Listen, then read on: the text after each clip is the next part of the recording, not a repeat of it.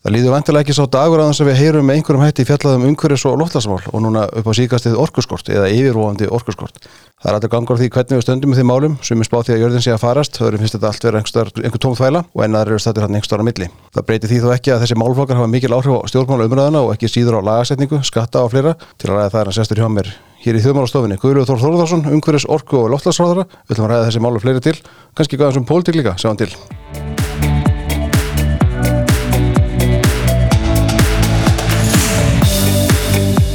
Guðrúður Þór, þú velkomin. Já, þakka þér. Ég sagði kannski eitthvað um pólitík líka, þetta er allt pólitík. Ég er svo sannarlega. Það er hérna, ertu búin að klára fyrir jólinn? Hvernig, eitthvað það? Heyrðu, það, það má ekki spyrja svona Nei, ok. Þetta var bara mjög ósangert. Og... Fór ég bara beint í þetta óþægilegu spurningum? Já, bara, þú veist, já, þetta verður ekki verða, sko. Þá fyrir við að bara einfaldari mál. sko, þú, hérna, það er það er mikið sem hættir að hérna, því hérna sko, ef við byrjum á, þú ert alltaf nýkomin heim frá COP28, Jip. ráðstöndinni, lofslagsráðstöndin saminu þjóðana, svo við byrjum nú bara því, kemur, kemur eitthvað út á svona ráðstöndin, skipta þessar ráðstöndin einhverju máli? Þetta er alveg tvískipt. Átt að, sem að, nú fyrskipt sem ég fer, ég fór ekki sem auðvitað þegar og fór ekki fór ekki fyrra, er þarna það er um 100 ást mannsanna Mhm. og það er alls ekki þannig að þessi þessi 100 ást síðan að koma til að semja um yfirlýsingar Mhm. það eru það er brota brota fólkinu sem er þarna það sem ég varst áhugavert var að sjá og það náttúrulega endur speglaðist íslensku sendinemdi þar svo með átján fyrirtæki markvöldun frá því í fyrra og þetta var meiri hluti nefndan var fólk frá fyrirtækjum að eh, þetta er svona uh, deglan Mhm.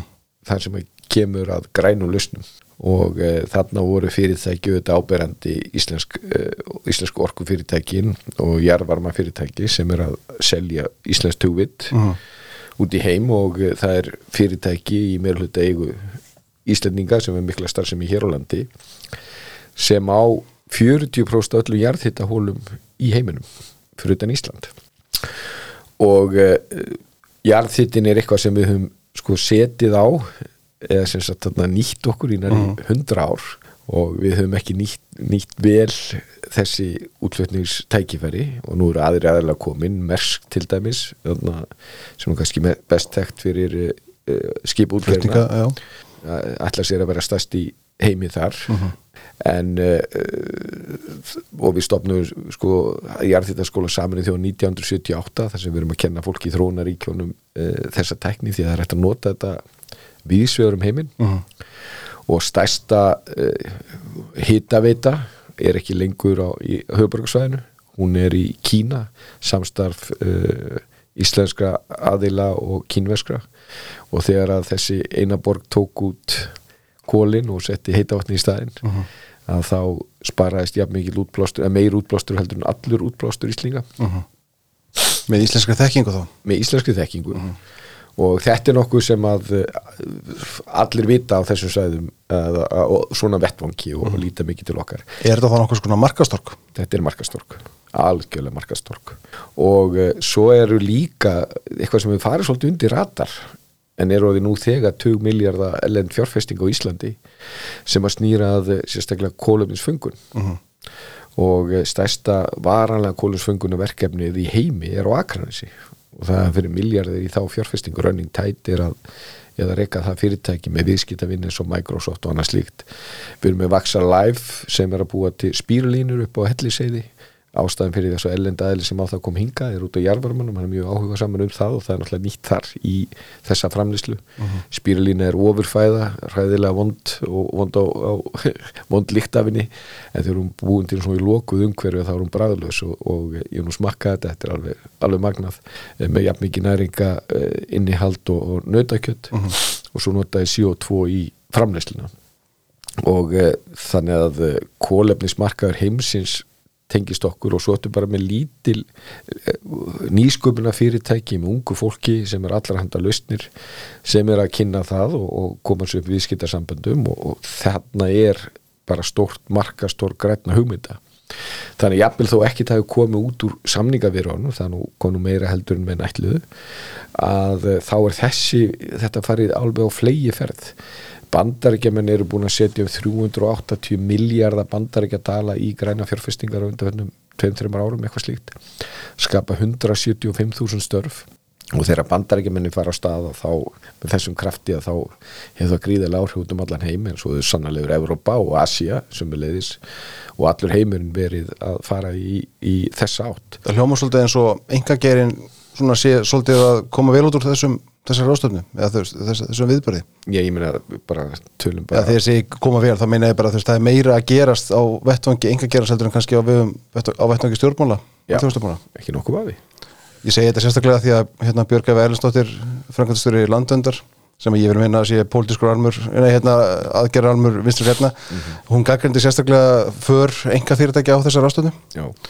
en með það sem þú ert að segja þá áttu þau kannski fullt erindi ánga það er engin að venda, það er engin sem að segja maður fara ánga því fara því að það finnst að vera skynsanlegt og, eh, og það er og þeir séu er að hug, huga sínum hag í því, það er bara eins og, eins og annar staðar, en aðtunlífið er og uh, sannlega Íslandi eins og öðru löndum að það er að, að taka mikla fórustu í þessu málum. En það sjáu bara hugsum bara nokkur ára tíma, ég hugsa, heyrði nú uh, Ara Eldjón uh, sem er nú alltaf gaman að hlusta á. Já. hann var að segja frá því finn, finn þannig við tveir. Mjög og jafnvel einhverju fleiri. Finnast ef ekki finnast í maður Íslands. Hann var að segja frá að hann kefti sko rafbíl fyrir tíu árum og þegar að þannig kom regning og þetta setja rúðþurkun á stað þá hægði á honum sko. En nú er þetta sko bara ástæðan fyrir því að rafbílar eru vinsalir ekki bara út af þeim ívilnum sem hafa verið heldur bara vegna þess að það er frábært að gera rafbíl. Og alltaf ótrúið það er að skella honum bara í samband á, á kvöldin og hann er fullaðin daginn eftir. Þannig að eh, rafbíla er bara lítið brota af þessu. En uh, fólk horfi hér á okkur Íslinga og segir bara þið eru með allt saman sko. Þið eru bara með uh, vassablið og þið eru með jarvarmann og þið eru með uh, uh, vindin, það vantar ekki vindin í okkur. Uh, og svo sannlega um byrtorkuna líka, ég kalla byrtorku Kjartan Gunnarsson kom með þetta og fundi í valhöld mjög stafs í gott, því að sólarorka við tengjum ekkit við hana sko. Einmitt. og Ísland eru hundur orð fyrir þarna rigningu og snjókomi er eitthvað eitt orð fyrir sólina sko. Sólskinnið sko, en þetta er byrtorka og fyrirtæki eins og til dæmis Íka og Brimborg sem eru búin að, og það eru fleiri á leiðinni sem eru að nýta þetta. Þegar hann sagði mér þarna Egil í Brimborg að á sömrinn þá byrjar hann að búa til orku rétt fyrir á nóttin og hættir á miðnætti. Auðvitað er að minna á vetuna en reyndar líka byrtnum af snjónum sem að nýtist í þessu. En, en það eru bara mjög margir möguleikar í þessu. Og það er uh, mjög magna að sjá hvernig enga framtæki atvinnlífið er búin að uh, taka þetta uh, og er að keira þetta áfram. Og við erum einmitt að vinna núna við erum að vinna allt öðru sem er aðgera áallunni heldur við með gert áður. Hvernig þá? áður var, hún bara gerð var í ráðuneytinu. Uh, nú uh, og hún hefur verið gaggrind meðan þess að hún sé ekki nú markviss og ekki mælanleg og annað slíkt. Uh, og uh, við skoðum bara hvað aðra þjóðir er að gera en þetta eru búnar að gera. Og þá verður að vinna þetta með atvinnlífinu það er atvinnlífinu sem hefur framkvæmað þessar breytingar þannig að við erum búin að vinna mjög mikið með eh, öllum greinum atvinnlífsins og það var komið hérna loftlasvegvísar atvinnlífsins fyrir nokkru mánuðu síðan. 326 hugmyndir sem við erum að vinna í og eh, setja inn í aðgerðallan sem við kynnum síðan eftir áramót. Og uh, það hefur verið mjög skemmtilegt og, og gefandi. Og uh, það er svo margt sem við á við kynum sagt högnust á þessu íslingar við náttúrulega högnust alveg gríðarlega orkuskiptum 1 og 2 þegar fyrst fórum við í rafvæðinguna það var nokkið smá mál en svo fórum við í hittavituvæðinguna sem var alveg stór merkilegt og var kostingamál á, á forsíu morgunblæsi fyrir bæjastunum kostning 1938 það var fyrirsögnin kjósum hittavituna það var þegar morgunblæði var málgag sjálfstæðarflokksins og svo var það bara svona myndir af, af því hvað lífi er betra sem það varð menn sá ekki kólamirkur kóla uh, Kóla reikin yfir borginni? Já, það færi og maður sá alltaf sólina. Þetta voru slík hérna, þetta voru miklu hreinlegar á heimilónum og svo framist þetta voru slagorðin. Og uh, þetta var dýrt uh, sérstaklega upp úr 70 uh, en þetta var stórkostlega fjárfesting fyrir Íslinga og uh, við erum að gera nákvæmlega sama núna. Uh, Orkusjóðu var stofnað 1967 af Ingól Jónssoni sjálfstæðismanni sem var þá innar á þeirra og þar var það í rauninni bara að brúa þetta bil með að þú ert að fara úr í þá olju uh, getur svona dísel, ég man alveg eftir því þegar oljutanku var tekin úr böðaskunni í borganessi og, og setti heita vatni í staðinn, það var dýrt en uh, lántíðafjárfesting gríðilega góð sem gerir það verkum að það er kannski eina sem er ódýrt á Íslandi það er orkan. Og við erum að græna endurnýjanlega orku. En uh, og svo það því það til dæmis þegar þetta hræðilega úkrænustri kom að orkureikningu annara heimil út um allan heim fór upp úr öllu valdi að þá voru við í miklu, miklu betri stöðu. Ekki bara umhverfislega út á lofslægi heldur fyrst og fremst. Í því tilfelli var það efnaðislega gríðarlega mikilvægt. Og þess vegna er sorglegt að við höfum sofið á verðinu þegar kemur á greinorkunni því að það er, við erum að það er komið að skuldadögum út af áratuga Það er einmitt punktur sem ég ætla að staldra við sko. þú vísir þetta og þetta voru það mikil umskipti síðan verður önnur mikil umskipti þegar við virkjum í búrfelli og það lýsir álver í Strömsvík 1900, hvað, í lok, lok 7. áratugurins mm um, Jú, jú, svo þetta koma Kárnunga, kemur, kemur Kárnunga virkjun hérna rétt eftir aldamótin. Eh, síðan erum við bara svolítið strand eftir það. Já, það er þannig að sko, og gott að minnst þetta ástæðan fyrir að menn fór í búrfell og þetta er einfallega það, það var orkuskottur í Reykjavík það var í ríkisútvarpinu var þarna kennslefni eða svona þættir þar sem að húsmæðurum þess tíma var kent að sjóða karteflunar og þorláksmessu en bara svona þess að hita er á aðfangundaskvöld því að rafmagnin fór svo oft út á að, aðfangundaskvöld og menn skoðuðu svona tværlausnir hann svo mikið að smávirkjunum eða eina stóra hún sé ekki sérstaklega stór núna og þá þurftur að fá eitt stóran aðila til að kaupa orkuna þannig að, og þá fór uh, Íslands stjórnvaldi saman við Alþjóðabankan sem er svona banki fyrir þróunaríki uh, og fengu hér alósvis sem að er unni fjármagnaði þetta og þannig hefur við fjármagna líka dreifikerfið og, og grænu orkuvinnslu í Íslandi. Það er með þessum stór kaupendum. Nú er enginn að tala um svona stóriðu lengur en það er ástæðan fyrir að við gerðum því að við vorum ennþá fámennari þjóð þá í, í stóru landi og við höfum aldrei geta gert þetta nema við, með því að fá stór kaupendur inn. Uh, en það er alveg og ég, menn geta séð það þegar skoðar uh, þannig orkusbá raforkusbá landsnets að uh, hvað uh, lítið hefur gerst í raforkumálun síðustu 15 árin. Af hverju gerist það? það er bara góð spurning ég, ég spurt. þú átt að svara henni, þú stofnum með þér Meina, hvað, hvað er sopna stjórnvöld? Eða, eða, annarkoð sopna og verða væruker eða taka meðvitað ákvörðunum að hætta að virkja og hætta að segja mér orku? Já, þetta er, sko, ég er svo sem aðeins veltis fyrir því, ég fæ alltaf þessa spurningu og ég ætla svona að bæta sanns í, þetta er ekki bara raforkan, ég setti á stað skýsluba Ísúr að búa til skýslu fyrir mig um hittavittnar og tveir þriðju hittavittn á Íslandi er lendi í vandræðum, tveir þriðju. Við erum búin að niðugreiða fyrir svona 2 miljardar á hverju ári núna í, í áratug eða 2 uh, húsinu kostnaði ekki leita nýju heitu vatni. Jarðhitt átæki sem við erum farin í núna er fyrsta jarðhitt átækið í held ég bara 20 ár. Og við erum strax búin að finna vatn hérna eh, á, á Drángsnesi sem er trefalda hittavisframlistuna þar. Sem því það þá þurfa þær ekki rafmagn þar og það er nákvæmlega eh, til að hitta upp húsin. Ef að þeir hafa gert það sem ég þekki nú gæli til að það er svona alla jafna málið að því það mista þá þurfa að gjá áhyggjur af heitavatninu og ef að þú ætlar að hafa, ef ég aðturnustu þar eða búa þar að þá er þá tryggt að þú sett komið með, komið með vatn af hverju gerist þetta? Sko ég, ég, þetta er óhuga, ótrúlega áhugavert vegna þess að uh, og það var ótrúlega djúft á því ég kom inn. Náttúrulega var, sko, þú veist, þegar ég kemin í ráðunitt og ég, þá er- ég með umhverfisándi og það er samin að orkuráðundur hvað heldur eru margir í öll ég fekk alla í orkuráðundur, hvað heldur ég fengi marga? Já, veit ég ekki. Hvað heldur þetta er allt orkuráðund, þetta er mikilvægast í málumflokkurinn 30 manns, minna, ok Ég, ég veit ekki 15-20 manns kannski? Minna, Færri starfsmenn en þetta, já, 10 manns? Minna. Hvað, þá, eru bara komin í til þetta á tveimur höndum 5 manns eða eitthvað leis tvo, Tveir starfsmenn, já. Ok.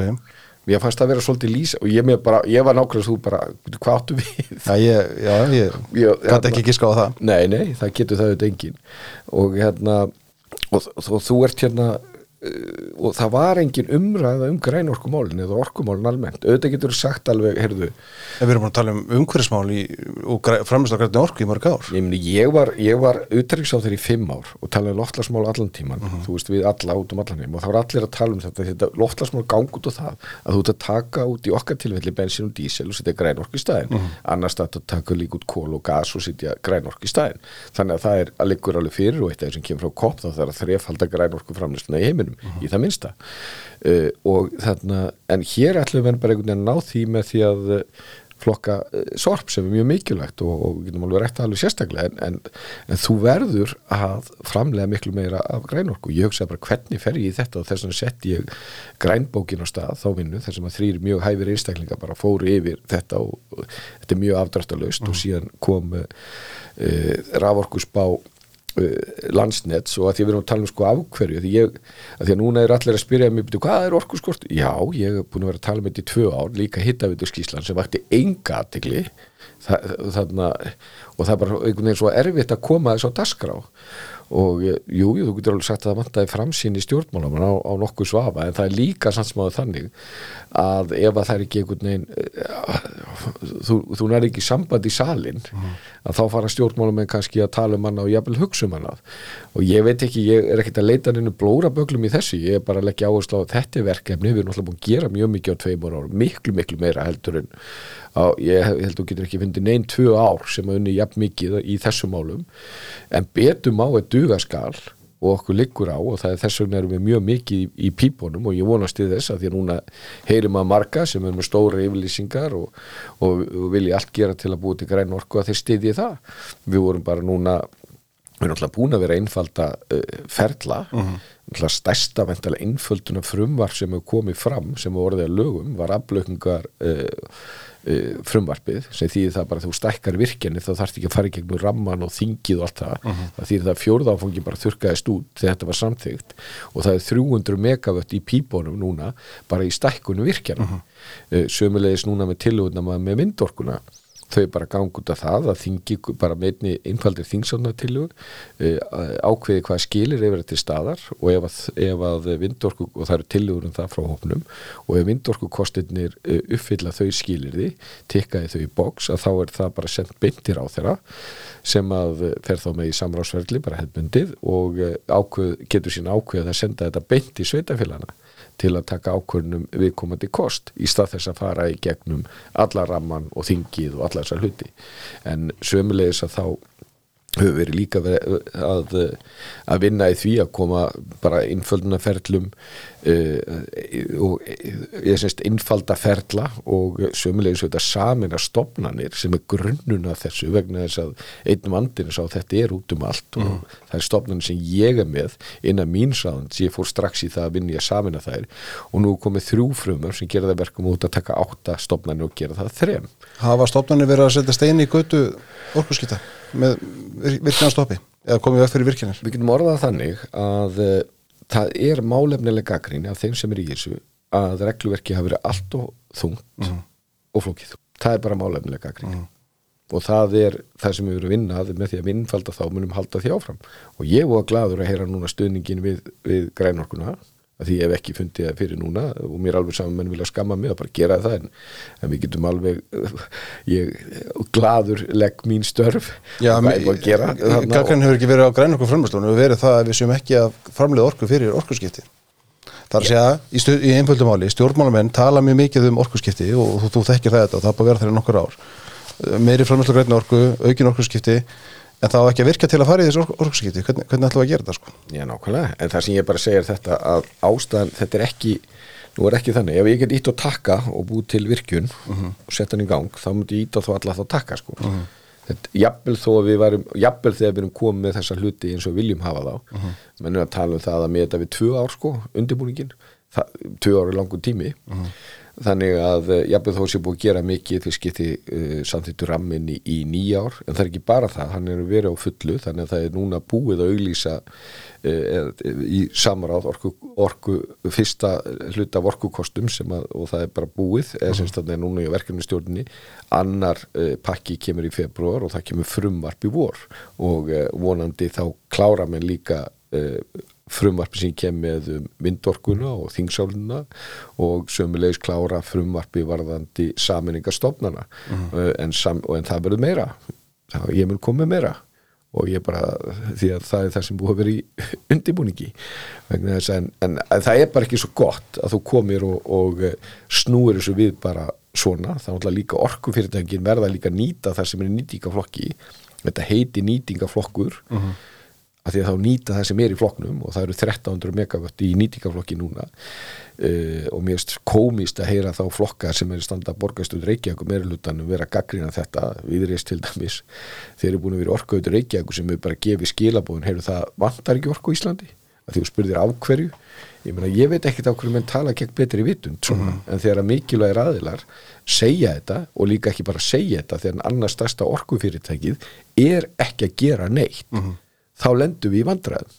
Og ég meina landsvirkjun hefur þó á þessum nýja árum uh, neða 15 árum uh, gert, farið með þrjár virkjanir sem mikilvægt og það þurfti að vera meira og Já, já, þetta kostur svo nefnið sko, ég minna Hörður Ardarsson, fórstur í landsvirkjana hann er talað um það og, alveg fari verið ófemið að segja það, það vantir mér orku og meðan var fórstur í orkuvitur að tala alveg þess og hversu um það að þyrfti ekki meira orku sem er þetta mjög undarlega afstæða, vitandi betur. Já, svo náttúrulega líka að svo um tíma vorum við að tala um sæstreng sko, til að selja umframorkuna.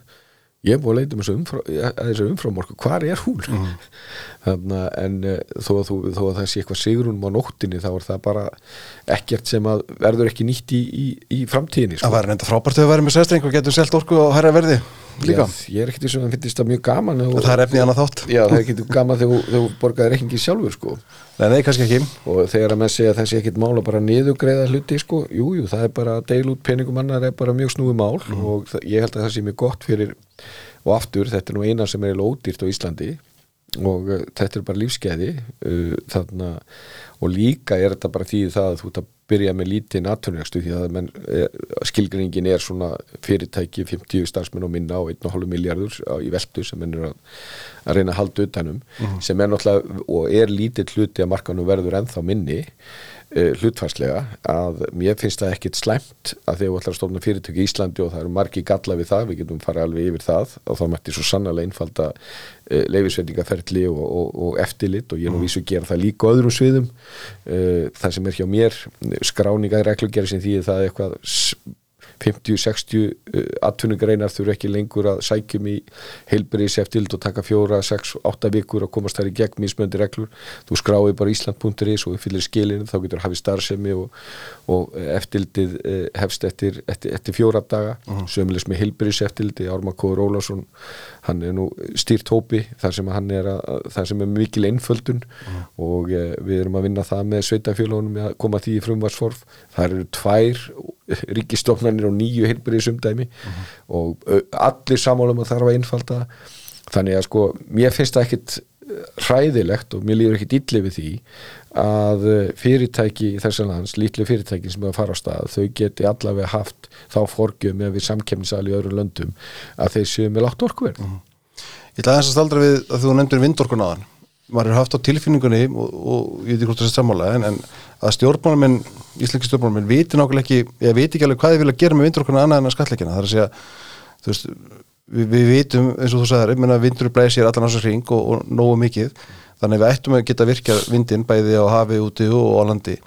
Uh, liggur eitthvað fyrir hvað við viljum gera með þessa öðlind Já, það er náttúrulega líka fyrir núna uh, og það er það sem getur verið hraðast í. Núna liggja þess að tillögu fyrir. Nú það bara að samþykja þetta og þá get, mun það ganga miklu, miklu hraðar. Uh, Ég veit að við byggjum ekki stóriði á vindorku undir ótrygg orka en, en þetta er samt heilmikil viðbútt við það kerfi sem við erum með núna. Já, það er náttúrulega þetta bla- ef út með skilvirkar markað þá vegur þetta saman. Þú er náttúrulega alltaf með svona einhverju grunn orku, einhverju svo jöfn orku.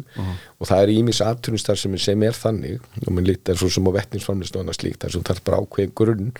En síðan þegar mikil framleysla vindur um blæs, að vísu er að þannig kannski verður líka einhver jöfnun því ef þetta verður vísjöður landið að það er alltaf hvast einhvern staðar á Íslandi. En, að, en það getur engin spáð fyrir um það hvernig það gerist frá degi til dags heldur er það bara þetta er, það er, bara, þetta er, þetta er framleiðslós sem betur fyrir eru sumar atvinnugreinan þannig að þær geta tekið á, á sveiflum og geta þá ákveða að kaupa ekki ramak þegar er mjög hátt í verði vegna þess að það er lítið til að vinni en uh, jú, jú, ég hef alveg hirt þessu umræðu það er svo fyndið að, ef mér fannst allavega komist þegar maður tala um að þjóðnýta vindin sko, ég segi bara er það loknið í enga ég, ég veit það ekki sko, það er bara einhvern veginn það er Já, ég get alveg skilið það tal að því að, að, því að þessu segi, það, sko, maður heyrði, já, með, með, með annars fórsetsaðar og fleiri, talum talum mikið af þess að or, rítikon orkunni, sko, eins og, eins og það var einhvern veginn stóra máli, að meðan, meðan, meðan maður hugsaði bara, heyrði, við ekki að byrja á því að nýta orkunna og sjá svo til hvort þið textaði ekki sko. ég er bara upptekinn að því okkur vanta græn orku. Okkur vanta græn orku. Og hérna það er ekkert mál að skatleggja sko. En byrjum á því að búa til græn orku. En ég er að vísu sko ef þú skatleggur mikið orkuver og þá hefur það bara áhrif verðið. Já, já, þetta, þetta er alltaf eins og sama allt sko. en, en, en sko aðalandi þetta okkur líkur á. Mhm. og mér finnst bara æðislegt að fá núna þessa umræðu. Mhm. og bara mjög gott að menn sem ég er búin að vakna, vakna. Ég er búin að skoða, ég googlaði nafni mitt og svo alla fyrir, það eru alla fyrirsegna viðtölum vantar mér að græna orku, ég er búin að tala endalega stundin, ég er bara pínu ágjör að því að það sé ekki kveikt á mikrofónum því ég fyrir viðtöl því að maður er alltaf að tala um það sama.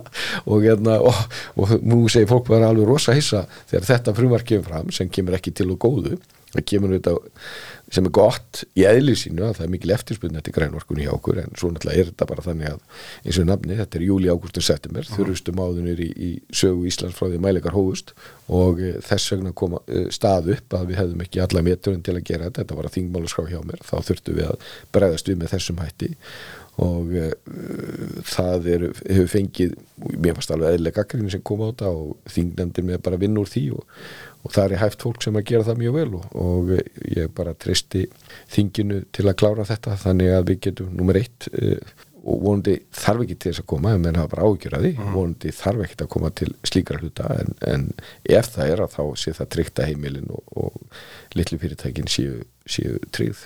Sko, þú, þú er búin að vera í pólitík lengi. Og þú þekkir auðvitað pólitísku umræðu mjög vel, veit ég. Uh, Það er upplifur marga hægri manna sérstaklega að öll umræðum orkumál eða orkuskipti, lofslagsmál og svo framvegis sé einhvern veginn lituð af meiri pólitík heldur en einhverju raunhyggju. Það er að segja við ætlum að leysa þessi mál með skatlætingu, lagasetningum einhver, einhverjum íþingjandi ákveðum og svo framvegis. Sko förum aðeins inn á þetta, hvernig horfur þetta við þér? Ég meina, þú veist, e- e- erum við að fara að leysa erum við að fara að breyta hitast í jörðan eftir 50 ára þegar við leggjum á skatta í dag? Nei, þetta snýst ekkit um Ég veit, þetta er mikil maður að leggja það frá svona en þú þekkir þessu umræðu samt, sko. Mér þetta, sko, polarisengin er náttúrulega svolítið mikil og þetta er svolítið þannig að því rauninni gengur þetta bara út af það, þú ert að taka út og stæðin það. Bara 90 eitthvað próst af þessu snýst það og við þekkjum það bara mjög vel. Og það er við sjálfstæðismenn sem staði fyrir grænorku byltingunum, það er bara þannig. Og reyndar höfðu staði fyrir grænu byltingunum. Við vorum alltaf umhverju flokkurinn en svo fer svo mikið að því að það En við erum að, en sko, við erum að tapa, við hægri minn erum að tapa umræðinu samt í þessu. Já, ég veit það ekki. Mér þannig að það nú kannski, já, ég meina þá er það bara okkur að kenna. Eh, Það er hann að, sko, eh, því að, eh, svo er það þannig að mér maður tilfinningu, ég og fullt af vinum, bara, það fer svo bara í töðnum og bara alltaf bara sett eitthvað loftlagsmál, þá bara, þá bara, þú veist, lokast öll skilningavitt, sko. Já. Og hérna, þannig þá er ég bara, bara móti öllu sem að, að því snýr, sko. en, en það er náttúrulega, nú getum þetta alla skoðanir á því, ég menna þetta eru, mér í svo, þetta minnir mér soldið á umræðin að ég var í sjáurisnefnd ég var mjög ungur og hérna, þá var ég alveg umræðin það hvort við ættum að fara eftir reglum, eftir hérna rálingum fiskifræðinga. Og ég held mér að segja í okkar flokka við einhver tíman dott inn einhver setningum að þetta fara líka eftir fiskifræði sjómannsins. Nú byrja mikla virðingu fyrir sjómannum og pabbi var sjómaður og frændu mínu og allt en ég veit ekki alveg hvað það er sko. En svo eru við bara allir saman um þetta er ekkit fullkomið og fiskifræðingarnir segja sjálfur heyrðu, það er bara margt sem við þurfum að rannsaka miklu betur og vitum ekki en, en þetta er besta þekkingi sem við höfum en, en jafnir þó að þetta væri bara allt saman bara einhver miskilningur munum við tapa því að verða sjálfbær þegar kemur á orkuöflun? Munum við Íslinga tapa því bara nei, við þurfum ekki að kaupa elsku normennir ykkar, við bara þurfum ekki að kaupa olíðinu okkar. Við erum bara með þetta sjálf sko. Munum við tapa því? Nei, aldrei. Nei, við munum ekki tapa því, en við getum tapað á því að vera með óþarfa skatta, óþarfa reglugerðir og svo framvegis. Það er bara allstaðar það er bara allstaðar En við erum að leggja það á í nafni í lofslagsmál. ég menn alltaf tala svona um skatta ég menn að vera að tala um ETS Með meira hans. ETS er að vísu svipað aflamaskerfið, þú farið sko og við erum alveg tekið tekjur að við erum búin að eh, Íslenska ríki er búin að selja loftlarseimildi fyrir 14,7 miljardar uh, til að fjármagna þessar aðgerðir. En síðan er það þannig að ástæðan fyrir við erum að vinna í þessu með Evrópu, og það er vegna þess að fyrirtæki vilja vera þar inni, vegna þess að þau vera samkemnishæf, þú farið bara hvort sem að þetta er þessi inn í þessu stóriðan uh, millandasiglingarnar og millandaflýð og hvort þú er eitthvað æslandir að play að þá áttu að keppa á jafnræðis grundvelli við flugfélagin í Evrópu. Og því fáu bara kvóta hvað sem að þú ert með flugfélag í, í þarna Tískalandi, Íslandi eða hvað það er. Nú ef þú þarft ekki að nota kvótan getur þú seltan og þú þarft meðal hans ekki að nota hann vegna þess að þú færði í eitthvað umhverfisvæðna nú ef, ef þú þarft meira þá getur þú kift það er að segja uh, að menga. Og það er við að eitt af fyrirmyndunum er íslenska aflamarkskerfið. En þetta er uppalega er kerfi sem að búi til í bandaríkjónum þegar mann voru að fasa út uh, svona ákveðin gös og einhverja, einhverja mengun. Og uh, þannig að jú, jú, það er verið að íta mönnum yfir í græna grænt elsniti, það er alveg þannig. Og aftur hittavitu við enginn, hún kostaði og við vorum, vorum meðalans kostaði við vorum svo fátæk sko. Og það vissi floknar hluti við tókum láni í ennum ég, hvaða nú var sko. Og væri nú áhugavert að því að þetta er aldrei skrifað það er bara allir ós ánæði með þetta. En það ég hef aldrei sinni inn að úttækt á því hvað þetta kostaði raunverulega. En ég man það fyrstu kostingun sem ég tók þátt ég var á Akuri, ég var í metaskólinu 1986 í bæðstundukostingu og þá var þetta mál sko því að þeir voru ennþá að borga. Og sama þegar ég fór í bæðstunduna í borganissi 1990 þá var bara þetta baggi á okkur og hátt orkuverð og svo framvegis. En, en uh, hefði ekki þurft að vera það. Og þessi verkefni sem var í núna er miklu auðveldara heldur en þau. En skamtíma kostna, já en langtíma á, munum við hagnast mikið á þessu. En það er alveg sama hvar þú ert að þú ert að einfalda regluverk. En það sem ég er að gera núna, ég er að einfalda regluverk til þú getur búið til græn orku. Uh þarna og, eh, og til þess að þú getur farið í aðtjóðstarfsemi þá vil ég einfalda helberisettildið sem er leið svolítið að hefja starfsemi af því að það heyri á mér að sækjum starfsleifi þá einfalda ég það. Það er bara eitthvað það sem á vera, vera þarna alltaf og það er það sem ég hef alltaf unnið að hvort sem ég hilbyrjus á þeirra, uttæringis á þeirra eða, eða umhverjus uh, orku og loftlas á þeirra Hvernig svarar þú hægri sinni vinniðinu sem að alltaf loka eirónu þegar þeir eru minnst á loftasmál? Ég tek svona svipað eins og þú er að gera hér sko. Ég, þú veist að því að menn þarna, veist, þetta er bara Eru hægri minn einhvern veginn feimni við að taka sumræði?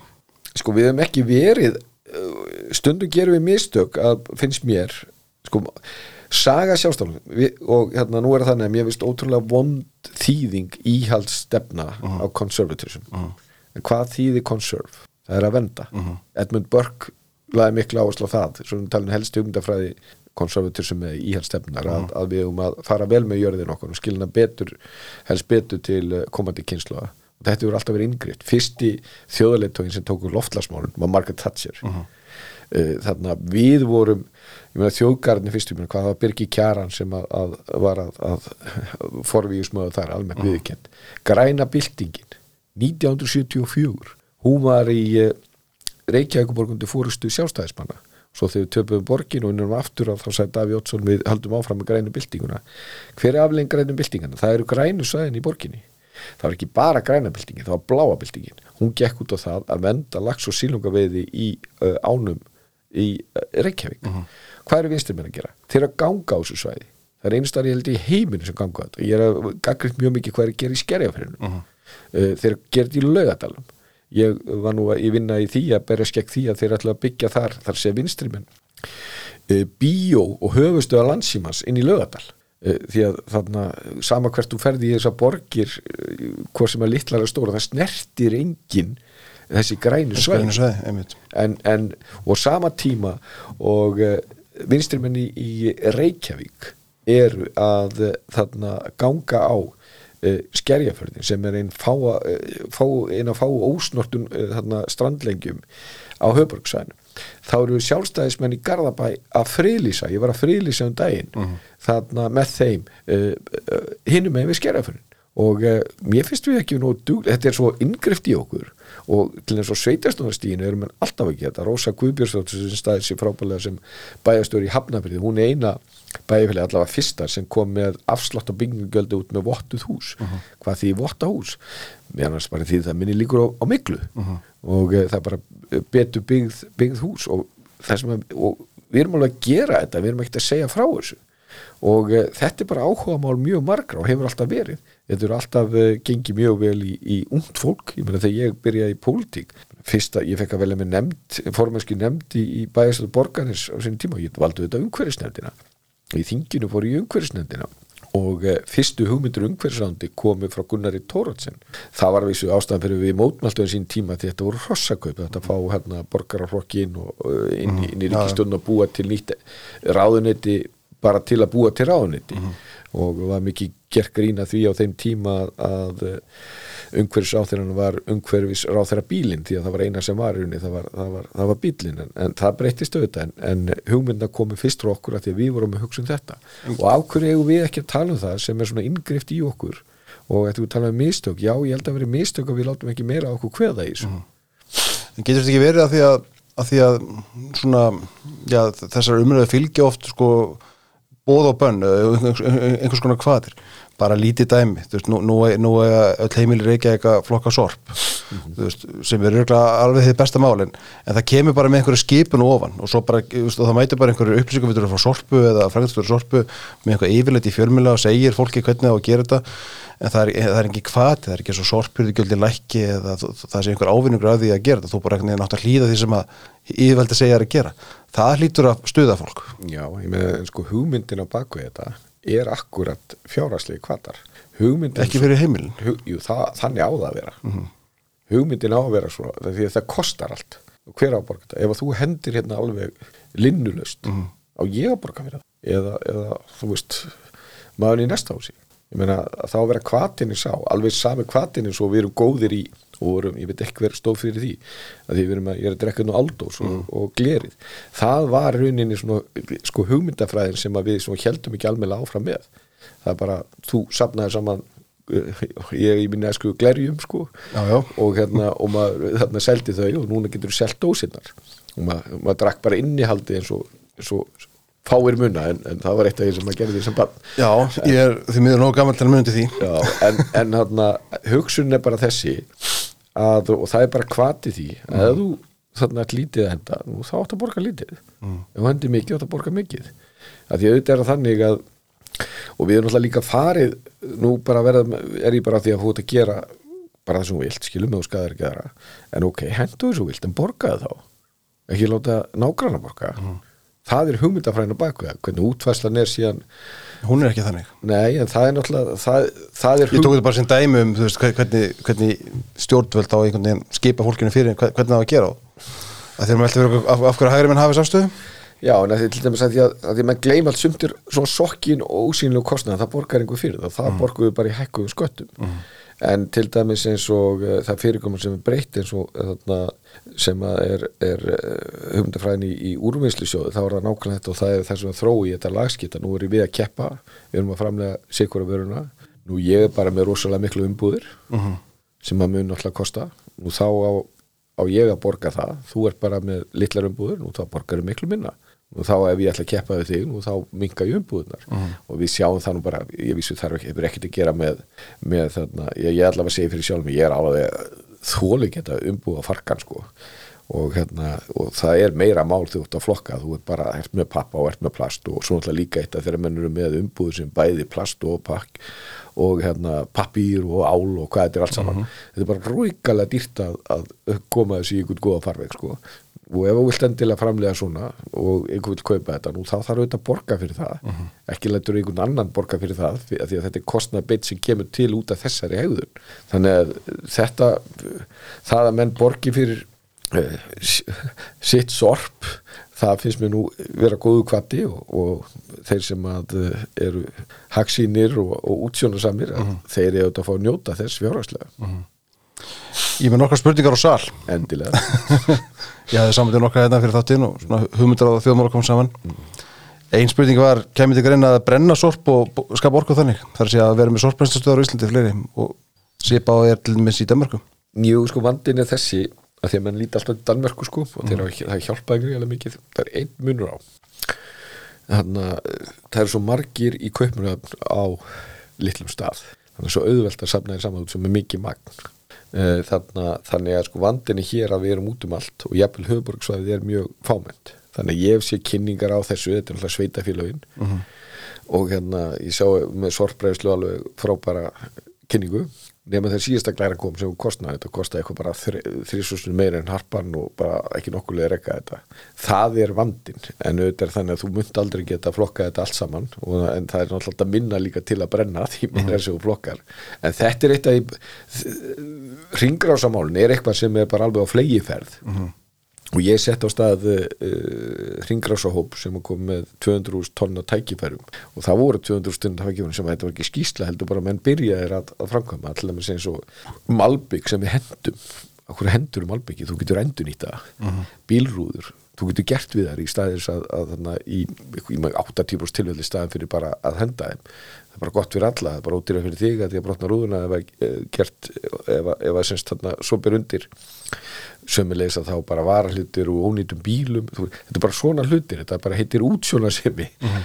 og hérna uh, og það sínst ekki um einhver ríkisafskipt þetta sínst um bara að taka símtölum við þá aðeila og í þessu tilfelli mjög fáir eru ekki til í að gera þetta öðru í sig uh -huh. þannig að uh, þetta er nú bara og það er bara mjög margi klóki kapitalistar sem er að, að gera gott máli í ringarásar hagkerfunu og en við þurfum að gera meira þar Önnur spurning var styrkurinn sem hóti bílalega í sumar, 900 miljonir, var þetta ekki peningur út úr glukkan? Veistu hvað er búið að setja mikið ívillinar í, í, eh, fyrir þann tíma? Nei, það mátti ekki svara spurningum með spurningu sko. Nei, ég ætla að segja bara til að setja í samingi ég, mm -hmm. ég tek þetta svolítið á mig að hafa ekki að því að maður heldur allir viti allt sko mm -hmm.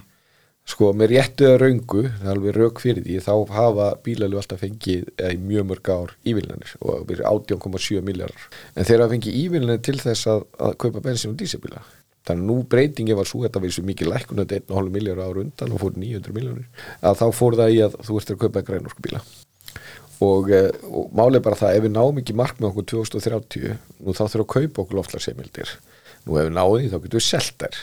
Og hérna en það að vera vera með þessa ívilnar og, og beinaðum ekki í, grænafarvegin er algjörlega út í hött. Eh, þú ert með eh, en nú ertu með tengil tvinn bíla líka sem er, með miklu, miklu minni útblástur heldur en reynar það er bensin og dísilbílar. Mm. er það ekki einhver lust sem við viljum skoða meira? Ég ætla bara að klára þess 18,7 miljardar eru 52.000 bílar. Það sem við vorum í ívilnar til og ef við, þó bara helmingun hefur farið í, í uh, grænorku bíla mm að þá væru við miklu betri mánu. Það er 300 bílar í Ísland, þetta er 52 bílar og eftir markaðurinn er mjög mikið bílalegu bílar. Uh -huh. En uh, sko það eru, ég, það er sko, ef, ef, það er lang skilvirkast og það breyta kerfi sem núna, það er lækkunum 6,1 miljard frá því að fara úr íbylunum í þessa beinustyrki, milli ára, sem nú mjög skammaði fyrir í þinginu, að það er hins vegar bara miða við því að reyna að fá eins mikið fyrir, getur við sagt, fjármunna eins mikið CO2 eins og mögult er. Og það er náttúrulega hagkamast að styðja að þú fari í rafmarkuna uh, og svo ætlum við að taka það út, þetta er tímabundið þetta er alltaf sama hugmyndi í morkusjóð mm. þetta er tímabundið. En það og það sem er lang hagkamast eru stóru bílanir og það er alveg frábæra frétti fyrir okkur að það sé að koma stórir og stærstu gerð vörbílar mm.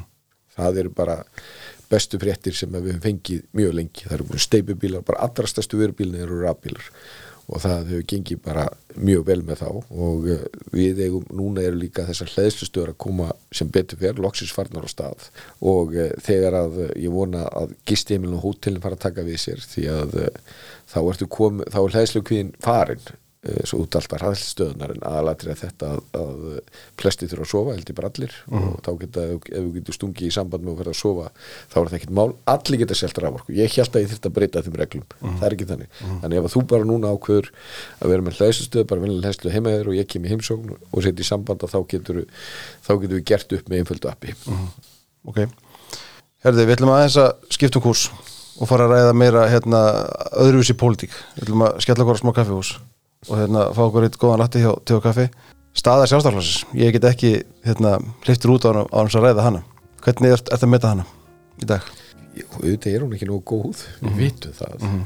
og hérna, ég held að við þurfum svona að horfa svolítið inn á við og muna ákvöru gekk vel hjá okkur mm -hmm. og e, fyrsta lagi, við vorum aldrei fullkomin ekki frá 1929 þetta var nú aldrei þetta var eh, ekki einhver menn voru ekki saminast íarflokkurinn og frjálslindirflokkurinn og eh, halda saman allan tíma vegna allir voru vinir.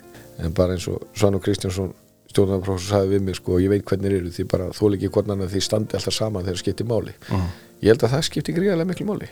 Við gerum alltaf grína ministrumennum þeir eru út og söður en við þurfum að þess að líta inn á við hjá okkur því það við um að við að vera sammála. Nei við um bara að taka það inn á við en við verðum að gefa bæði, bæði orði og verki að, að við stöndum saman um það sem að virkilega skipti máli. Hefur við ekki gert það? Ég held að, að við höfum ekki nei, ég held að við höfum vantar svolítið upp á það. Mm. Soma, og, og það er ekki við þurfum líka sko ákvöru, að að þetta snýst líka um það að við erum alltaf að fá fólk til í þessu okkur. Þú bara og ákvöru færi fólk í stjórnmál? Ég held að það sé tvær ástæður, fyrsta leið þá viltu hafa áhrif að sjá því hlustað og, og, og þú aðganga því fólki sem að eru kjörnum fulltrúar þetta sem við vil líka bara bjóða sér fram og, og það er eins og og síðan gengur það allavegna eins og bara gengur það er ekki pláss fyrir alla aldrei en, en þú ert allavega það er einhver vettvangur þar sem að þú hefur tækifæri til þess Mhm. en síðan verður líka vera gaman það er bara, og er þetta gaman? mér er vísum mjög gaman í stjórnmálum en uh, ég held að við þurfum að, að uh, svona að uh, svona skerpa eins og á leysandanum og gefa líka skilabóð til fólks að það sé velkomið og þegar það kemur inn að þá halda svolítið meira utan um það. En, en síðan náttúrulega náttúrulega stóra og þetta stærsta málið að við þurfum að vera mjög skýr á því og sam, samkvæm sjálfum okkur þegar kemur að því hvað við stöndum fyrir. Því að mínu upplifinu svo hefur alltaf verið svo að það er auðveld, miklu auðveldar að tala og næra að tala við fólk fyrir því hvað við stöndum. Það er að fá að segja já við því. Stundum eða bara ekki til í flokkin en hugmyndunar okkar hafa alltaf átt hljóngrun og, eh, og auðvitað er það þannig við gáum alltaf þau skilabóð hér áður að þau kjósu okkur ekki þannig að við verðum nógu stór til þess að við tekja á loka stjórn þá ætlum við ekki að færa ríkistjórn þá fyrir við bara í stjórnarnastu við höfum breyttum það, núna erum við þryggja flokka stjórn sem er náttúrulega mjög breytt eh, breytt svið. Ekki endilega breyting til batnaðar Nei, menn við bara tölum hlutna bara eins og eru sko. það er náttúrulega var alveg ákall í því við skum bara það var bara líka ákall svolítið, ég fann það mjög þegar stopnum tilnar í, í fyrraskipti að bara fólk opna, stoppaði manni í búð og sagði þetta er eina viti, þetta er bara að því við sko, svo fljóta að gleyma, það var pólitískur óstöðuleiki og, og þetta er kannski að fólk sem kann best í verka í þinginu og við vorum náttúrulega í, í líka annari þryggjaflokkastjórn sem bara einhvern veginn puffaði hérna upp hérna einhvern veginn með, með þetta ekki svart framtíð, nei að nei, nei, ég, ég kann mjög vel við það saman. ma maður fær samt á ég og ég hef spurt Bjarni að þessu, ég hef spurt aðra ráþæra sjálfstæðarflokks að ég meina maður fær átt á tilfinninguna að sjálfstæðarflokkurinn standi svona helst fyrir það í dag einhvern veginn að vera góður því að reka ríkið en minna í hugmyndafræði að kynna hugmyndafræði, kynna læknumskatta minna ríkisvald og svo framvegis. Er þetta rámt mat eða? Ný, ég held að ef að þú ert með þá tilfinningu þá held ég að það sé mjög mikið til í því. En ég með það er, ég fórum nú að segja við það hvað ég er búin að vera að gera við svo bara brota því. Uh, ég er bara legg alltaf uh, bara þau gleru á þau verkefni sem með að nákvæmlega svo nefna. Þetta snýst ekki um að, að stóri bróðir haldi í hendina á þér sko. Snýst um það að þú vilt hafa jú svo sannarlega eitthvað ríkisvald, þú vilt hafa hérna lög og reglu þú vilt hafa öryggismálun í, í lægi og þú, jú, og við viljum líka hafa eitthvað net sem á eins og ekki svo þétt of eða þú getur ekki reyft í því, heldur bara það að ef að fólk fellur uh, eða, lendir í, í einhverju öðru slíku að við viljum hafa við viljum hafa velferðarkerfi, það leikur alveg fyrir. En, en velferðarkerfi, gott velferðarkerfi að það er algjörlega og allt annað, er að vera einstaklingar að fá að njóta sín ekki bara þá þú eru á þjónustuna þannig sem mjög mikilvægt að það, það, hún sé fyrir einstaklingana heldur verður líka að veita fólki sem að vill veita velferði þess að þú tækifæri til að njóta sín með sínur hugmyndir, heilbyrðiskerfi er gott dæmi að það er miklu miklu meira. Og e, sama með umhverfismálin það er nákvæmlega, þetta er allir málfokkar eins. Mentamálin, umhverfismálin, félagsmálin þetta er alltaf það sama. Því að e, það er miklu meiri líkur á því að það komi fram nýjar hugmyndir uh, nýsköpun uh, og uh, auk, bara aukin verðmætasköpun og uh, betri þjónusta ef að þú gefur einstaklingu enga framtækinu líka tækifæri. Þá líka þá við helbriðskerfinu svo nefnir þú algjörlega. Varst nefnir svona helbriðsraðara Já, já, hvað gerði ég? Ég stopnaði sjúkratringar Íslands, hvað eru sjúkratringar Íslands? Mér er ekki ennþá búin að framfylgja því nákvæmlega sem var, ef við hófum þá vegferð. Ég var bara í 22 mánuði. Að eh, meta alla þjónustu, bæði út frá gæðum og verðum og eh, semja svo við aðeila, bæði ofnverða og engaðila. Ég fór í fyrstu uh, útbóðin uh, þá á auksteinaðgerðum, þá var, ég spurði landsbítalinn, það var lengstu bílistendu auksteinaðgerðum þá. Hvað kostar aukstinn aðgerð, það var rúmlega 200 húst uh, og við buðum út og sendum fimm aðila sem að uh, og fengum það fyrir 100 húst krónur uh, hverja aðgerð og gerði mjög margt annað bæði til að, að spara fjármunni en sömulegðist til þess að veita einhverjum tækifæri til þess að veita þessa mikilvægu þjónustu. Og e, þannig að heilbríðismálun er algjörlega skýrt dæmi. Sko, það er unni spurning og gott. Þú er búin að vera að þingi í 20 ár. Kemur þing 19, eða 2003 og varst í borgarstóð þar áður. Hversu lengi nennur að standa í pólitík? þetta er fullkomum forreindi mér finnst þetta svakalega gaman. Ég bara, verður bara við að kynna það. Og uh, þannig að ég veit það ekki ég er bara ákveða það að einhver tíman auðvitað erum náttúrulega alltaf maður þarf alltaf að sækja um vinnu og, og það er bara gott. Og ég mun halda því áfram en ég er alveg ákveðin í því. Og ég held að það er ekkit stóra ákveðin ef einhver tíman ég bara að því þú verður annars vegar að trúa því að, og ég trúi því að ég hafi fullt erindu og hafi eitthvað fram að færa og geti skilað einhverju. Og, og eh, það má aldrei verða á neinum öðrum forsendum heldur en því að bara að þú, þú brennur fyrir þetta. Mhm. Ef þú hættir að brenna fyrir þetta af einhverjum ástæðum og þá áttu bara að fara að gera eitthvað annað. Þetta gerir alls konar aðra hluti sko. Það er bara það er fullt af fólki sem búið að stiða þig leggja mikið á sig til þess að þú, þú fá ná í kjöri, treystir á þig og þú verður alveg að, að vera í þessu alla leið. Og þetta er ekki venjuleg vinna og uh, þetta er ekki Al, Alls ekki vennileg vinna. þetta er ekki 84 vinna og, og, en ótrúlega gefandi og, og hérna ég nýt hverja myndu í þessu Sko, þú er alltaf upplifað já, hæðir og læðir í þessu. Ég meina, þú, þú vinnur stóran sigur í prókjöru 2007 þú tapar 2009 fyrir Ítluga þú lendir í miklum erfileikum eftir það og bara, svo segið það bara hreint út, kemur út í prókjöru 2013 nærðu vopniðinum aftur 2016 aftur 2021 þú veist þannig að þetta, þú, þú er búin að fara í getum alls konar dali og fjöll í þessu. Já, það er rosalega gott auðvitað vill maður ekki fara í dalina en ég held og nú er ég ekki að tala um sjálf mig að fólk sem ég ber mest afningu fyrir er ekki eitthvað auðvitað er fyllt af einhverju fólki sem að kalla stórmennið og allt fólk skilur alveg, alveg. En það fólk sem að lendir í miklu áföllum og vinnur svo út úr því er það fólk sem ég ber mest afningu fyrir. Og maður getur ekkit í stjórnmálum þú getur ekkit ætlast til þess að, að, bara taka einhverju sem gefnu. Og það er bara þó að það er rauninni besti skólinn þó viljir ekki fara þann bekk að lenda í mótbyr og erfileikum en auðvitað er miklu meira ég vil miklu frekar þegar það gengur vel sko en Já, að það, hvað það kýst það enginn en, en, það- það er kannski góð, góð skólinn svo segir. Já, ég held að þú hefur nú líka upplegað það sjálfur. Og hérna ég held að þú hefur komið sterkar út úr því.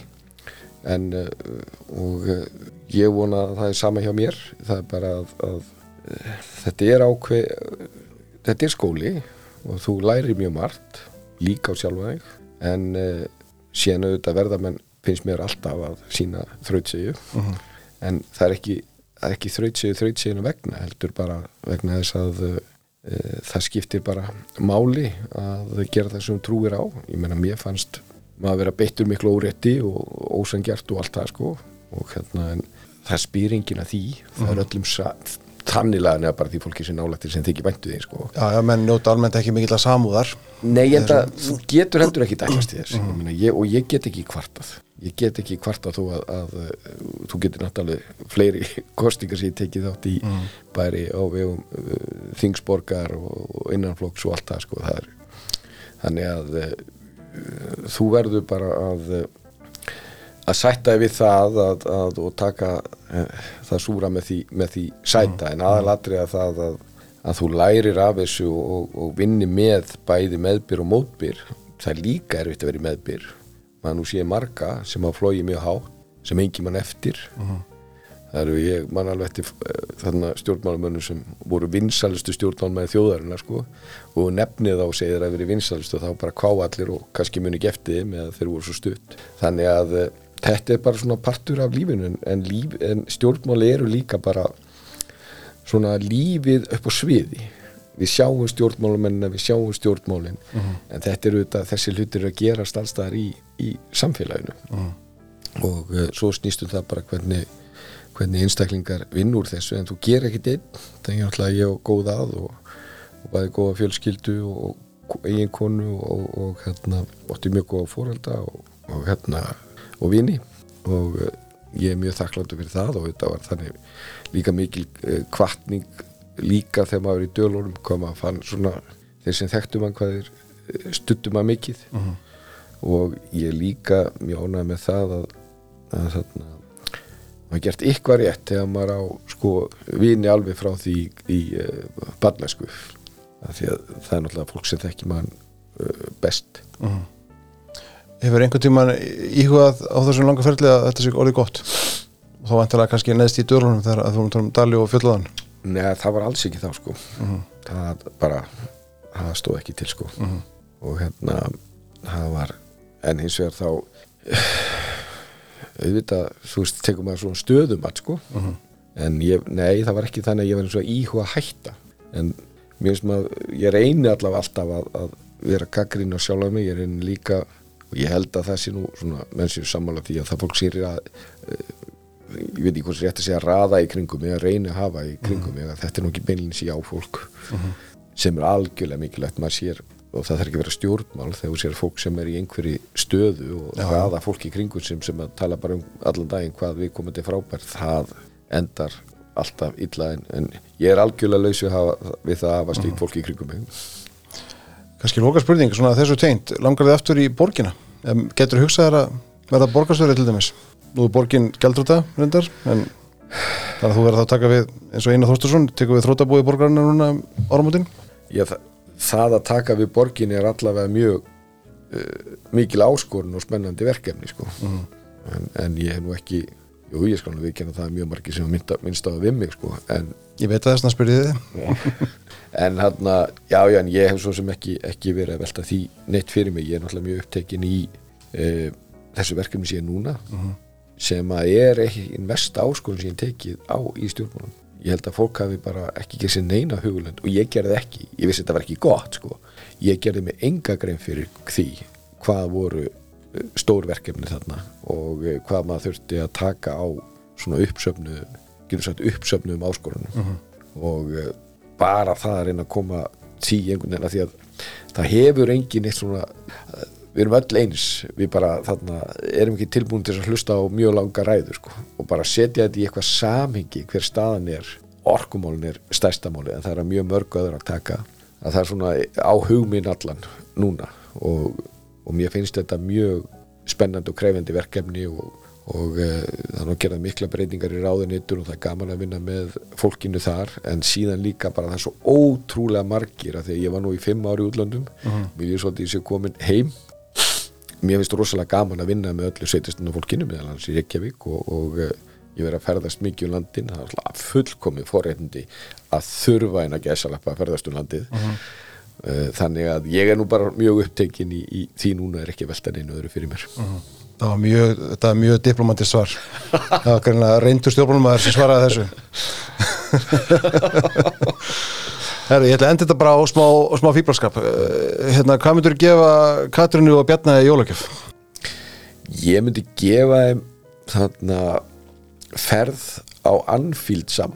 Já, Katrín hefði nú gaman að því reyndar. Já, Bjarni kannski ekki hefði mikið. Það er, það er svolítið sorglegt að ég veit ekki hvort það sé sorglegt að þegar að við unnum Manchester United 7-0 á þessu hörmunga tímabili þá horfði ég á leikinu miðanótt í Tókjó með águstum í lið og mér tókst nú samt ekki veginn og ég var svo stressað til 15 myndu og ég héti að ég myndi ekki stríða United vinnum mínum ef að Leopold myndi vinna.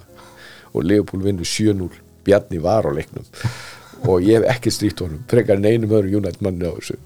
Þannig að ég veit ekki hvort að hann, hann langi aftur en, en hann hins vegar, jú, jú, hann hefði mjög gaman að því en, en Katrín hefði náttúrulega svo sannlega líka en það hann fylgdi bara góðu staði til að, að vera og ég veit að hún fannst það gaman að fara þangað og, og hún finnst gaman að horfa á fótbolta og, og e, það sami Katrínu þannig að þau væri flottar Hópferða Anfield, það er kannski bara það er jólagjöfin í ár. Herru, Guðlega Þór, ég ætla bara að þakka fyrir komuna og segja bara gleðli jól. Gleðli jólin